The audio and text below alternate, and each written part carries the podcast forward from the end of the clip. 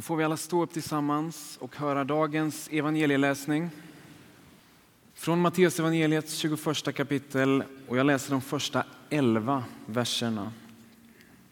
När de närmade sig Jerusalem och kom till Betfage vid Olivberget skickade Jesus iväg två lärjungar och sa till dem Gå bort till byn där framme så hittar ni genast ett åsnesto som står bundet med ett föl bredvid sig. Ta dem och led hit dem. Om någon säger något ska ni svara Herren behöver dem, men han ska strax skicka tillbaka dem. Detta hände för att det som sagts genom profeten skulle uppfyllas. Säg till dotter Sion, se, din konung kommer till dig, ödmjuk och ridande på en åsna och på ett föl, ett lastdjurs föl. Lärjungarna gick bort och gjorde så som Jesus hade sagt åt dem. De hämtade åsnan och fölet och lade sina mantlar på dem och han satt upp. Många i folkmassan bredde ut sina mantlar på vägen. Andra skar kvistar från träden och strödde dem på vägen. Och folket, både det som gick före och det som följde efter, ropade Hosianna, Davids son. Välsignad är han som kommer i Herrens namn. Hosianna i höjden. När han drog in i Jerusalem blev det stor uppståndelse i hela staden. Och man frågade, vem är han? Och folket svarade, det är profeten Jesus från Nasaret i Galileen. Och nu ber vi Jesus Kristus att du som är det levande ordet också ska få bli levande i våra liv. Öppna våra hjärtan för det du vill tala till oss idag genom ditt ord. Amen. Varsågod och sitt.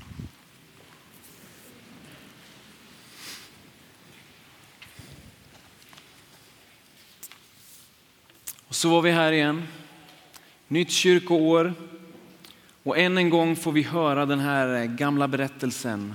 Ni vet den om eh, åsnor, palmblad, sång, fest och hopp. Den berättelse som vi i kyrkan tycker är så bra och så viktig att vi firar den två gånger om året. Dels idag och dels på palmsöndagen. Så redan nu kan jag säga till dig som börjar få åsneabstinens sådär vid vårdagjämningen. Välkommen tillbaka den 25 mars. Då är vi här igen. Men nu ska vi inte blicka framåt, nu ska vi blicka bakåt. Och vi reser långt bak, ungefär 2000 år till det stora romarriket. Dåtidens enda riktiga supermakt. Ett rike som förlunnits från omkring 700-talet, om jag inte minns helt fel, före Kristus enligt legenderna. Och som expanderat över område efter område.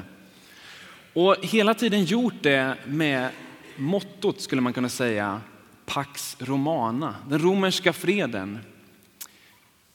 Och det är ju något ironiskt med att ockupera och erövra och sen erbjuda fred.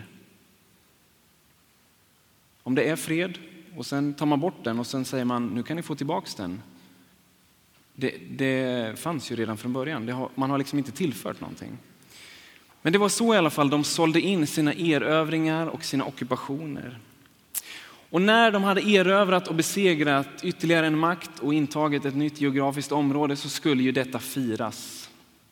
Det kunde man dels göra genom ett förutmjukande segertåg i staden och framförallt gjorde man det i Rom, i huvudstaden, där man lät de erövrade folken gå som slavar efter och blev till åtlöje för alla de romerska invånarna som fick ställa till med fest. En så kallad romersk triumf. Men vi vet ju, i alla fall om vi litar till historien och ser tillbaka på vad som har hänt genom åren, att om man verkligen vill bygga en varaktig fred, då går det inte att göra med våld. Det är någonting som historien har lärt oss. Det går inte att genom ockupation bygga fred. Vi vet också med facit hand att romarriket höll ut i väst några hundra år till, lite längre i öst. Men sen tog även det slut. Och någonstans i den här berättelsen om åsnan och Jesu intåg så kan vi ana att det finns en sorts underliggande frustration.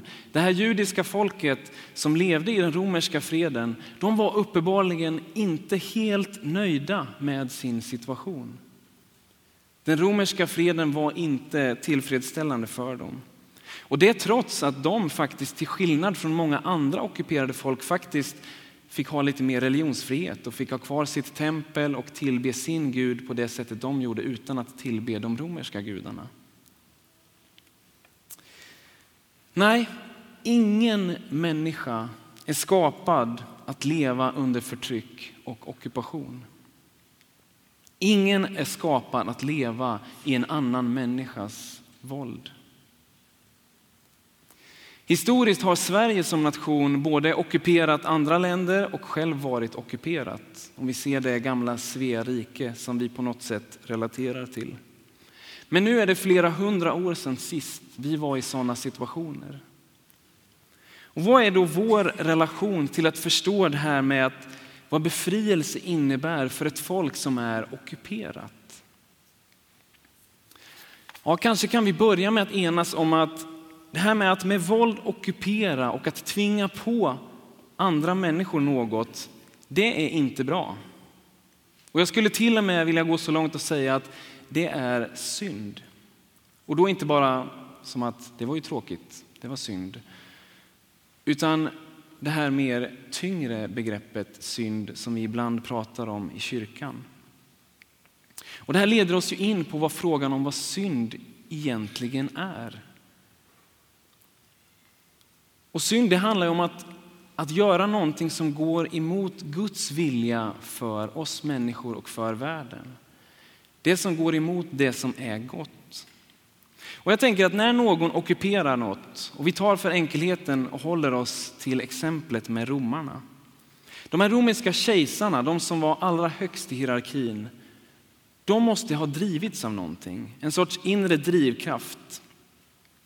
Och jag vill hävda att det var en måste ha varit en egoistisk drivkraft. Vi pratar alltså om kejsare, vanliga människor som i den här kulten gick så långt att de hävdade att de själva var gudar.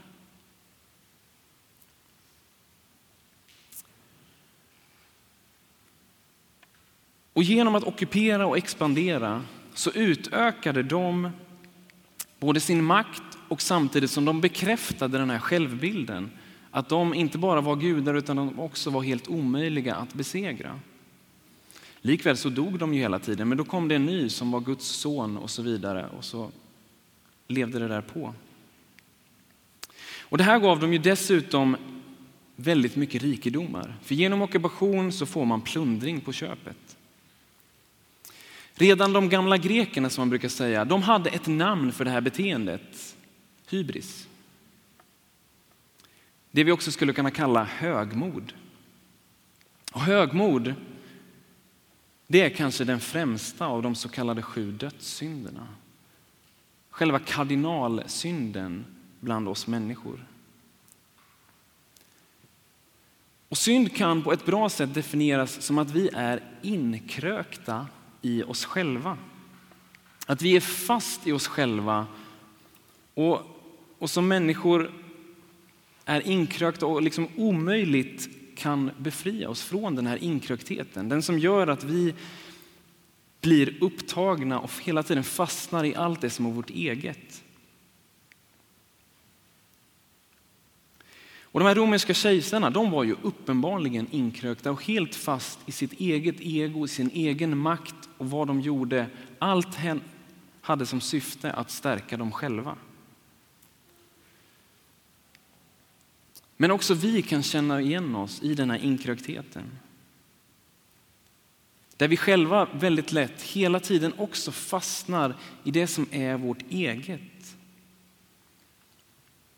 Där det ligger väldigt nära till hands att alltid först tänka på sig själv och sen på andra människor. Och om vi inte passar oss så kan vi till och med komma på oss själva med att låta det gå så långt att vi tar beslut som sker på bekostnad av andra människor.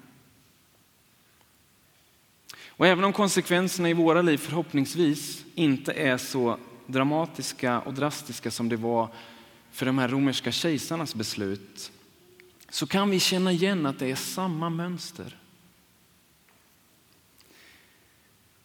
Det är ingen slump att Jesus talade om det här att, att det är lättare att se flisan i någon annans öga än bjälken i sitt eget. Att det är lättare att se fel och brister hos andra människor än att se dem hos sig själv. Även om de i jämförelse är mycket större. Och det är ju inte särskilt svårt för oss att se att, att runt omkring i världen så finns det människor som är inkrökta i sig själva.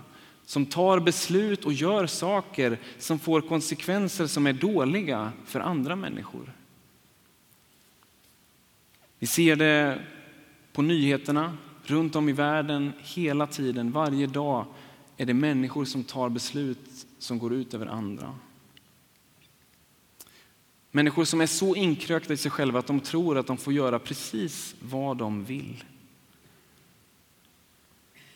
Vi ser det också i alla de otaliga vittnesbörd under hösten som har kommit i det som kallas för metoo. Där det i Sverige i bransch efter bransch har visat att det finns enorma problem, både här och där, i princip överallt. Och vi kan också se det här runt omkring oss själva, att det finns sådana här problem. Visst finns det mycket gott i den här världen. Men jag tror också att vi kan vara överens om att det finns faktiskt riktigt, riktigt mycket som är riktigt, riktigt dåligt. Och därför så behöver vi som människor hopp. Det finns sannoliken anledning för oss alla att längta efter en räddare, efter en befriare, en som kan lösa alla problem och gå till rätta med allt det onda och inte minst erbjuda befrielse och räddning för alla de av oss som vill välja det goda. Det judiska folket de levde med en förhoppning och en förväntan om att det en dag skulle komma just en sådan befriare. En frälsare som kunde rädda dem från det här ockuperande romarriket och återupprätta dem som ett Guds folk värt namnet. Nu var de ett Guds folk som inte ens hade ett eget land. Och när Jesus rider in i Jerusalem då kanaliseras all den här förväntan och längtan till nuet. Folkets känslor fullkomligt exploderar. De, de slänger ut mantlar och skär blad från träden och börjar sjunga och glädjas. De ropar Hosianna, Herre hjälp oss. Men det verkar inte riktigt var ett desperat rop på hjälp utan snarare ett genuint glädjerop att nu är faktiskt hjälpen redan här. Ett bekräftande rop att den som de har väntat på äntligen har kommit. Lite som ett barn som på julafton äntligen får se jultomten genom fönstret. Vilken lycka! Nu kommer äntligen allting bli precis så som det judiska folket hade föreställt sig. Om det inte var för det här med åsnan och I Matteus evangeliet som vi läste idag så är det ju dessutom två åsnor. Ett åsnesto och ett föl. Jag tänkte faktiskt att vi ska spara den detaljen för i år. Ni får gärna prata om det på fikaborden. Och vill ni ställa frågor så har vi vår docent i bibelvetenskap, Rickard Reuter här, som gärna pratar om de två åsnorna i Matteusevangeliet. Intåget i Jerusalem på en åsna det sände signalen att det här var inget vanligt segertåg. Och tack och lov för det. För som jag sa tidigare så vet vi ju att historien har visat oss att mänskliga segertåg sällan varat mer än några hundra år. Men Jesu intåg i Jerusalem det firas en, inte bara en gång om året utan två gånger om året. i nästan 2000 år. Jesus är en annan sorts befriare och segrare än de mänskliga och politiska makterna som erbjuder oss alternativa vägar. Och tänk om det är så att den befrielse som kommer från Gud inte i första hand är en befrielse från en ockuperande makt. Tänk om det snarare är en befrielse från ockuperandets makt. Hängde ni med på den? Vi tar den igen, för jag är rätt nöjd med den. Tänk om den befrielse som kommer från Gud inte i första hand är en befrielse från en ockuperande makt, utan snarare en befrielse från ockuperandets makt. Alltså en befrielse från den makt som drev de romerska kejsarna till att ockupera och utnyttja och manipulera människor. En befrielse från att själva leva på bekostnad av andra människor i tron att ens egen framgång gynnar en själv. Alltså det är den befrielse som alla människor behöver. En befrielse från den drivkraften som leder till det som är dåligt. Och befrielsen genom Jesus Kristus, den handlar om befrielsen från just allt detta. Att alla människor kan bli befriade från den inkrönkhet i oss själva som lurar oss att tro att allt i vår tillvaro handlar om oss. Hur kan det komma sig att en händelse, en berättelse i evangelierna anses så viktig att vi tar om den två gånger per år och att den finns med i alla evangelierna? Jo, för att det är berättelsen om att det finns hopp. Det är berättelsen om att förändring faktiskt är möjlig. Och att den sanna befrielsen faktiskt har kommit till oss människor. Att befrielsen är här. Det här är anledningen till att vi firar advent. Att vi firar ankomsten av ett nådens år ett nådens år för var och en som vill ta emot den befrielse som finns att få i Jesus Kristus. Och det här är anledningen till att nästa gång du ser en åsna, då är det läge att brista ut i glädjesång och ställa till med fest. För åsnan är en symbol. Det har blivit en symbol för den sanna befrielsen. Den som inte kommer från människor utan från Gud själv. En symbol för att en annan väg är möjlig. För något år sedan när jag hade den här barnstunden, om det kan ha varit precis ett år sedan, då vi pratade om just det här med åsnan, vad det var för dag, så var det ett barn som sa en så bra sak. Vi kan väl säga glad åsna. Och idag är det glad åsna. Det är den symbol som berättar att det finns hopp i världen. Att det finns hopp för dig och mig. Att det finns hopp för oss och för alla människor. Att inga problem och situationer är för stora eller komplicerade för att inte rymmas i Guds befrielse. Och nu är min bön att må Jesus Kristus få rida in i vart och ett av våra liv. På en symbolisk åsna som visar oss att en annan väg är möjlig. En väg som leder till befrielse från allt det som binder oss och håller oss tillbaka från att bli och vara de som vi är skapade att vara av Jesus. Till befrielse från allt det som gör oss inkrökta i oss själva. Så att vi alla tillsammans kan få stämma in i det stora glädjeropet. Hosianna, välsignad är han som kommer i Herrens namn. Amen.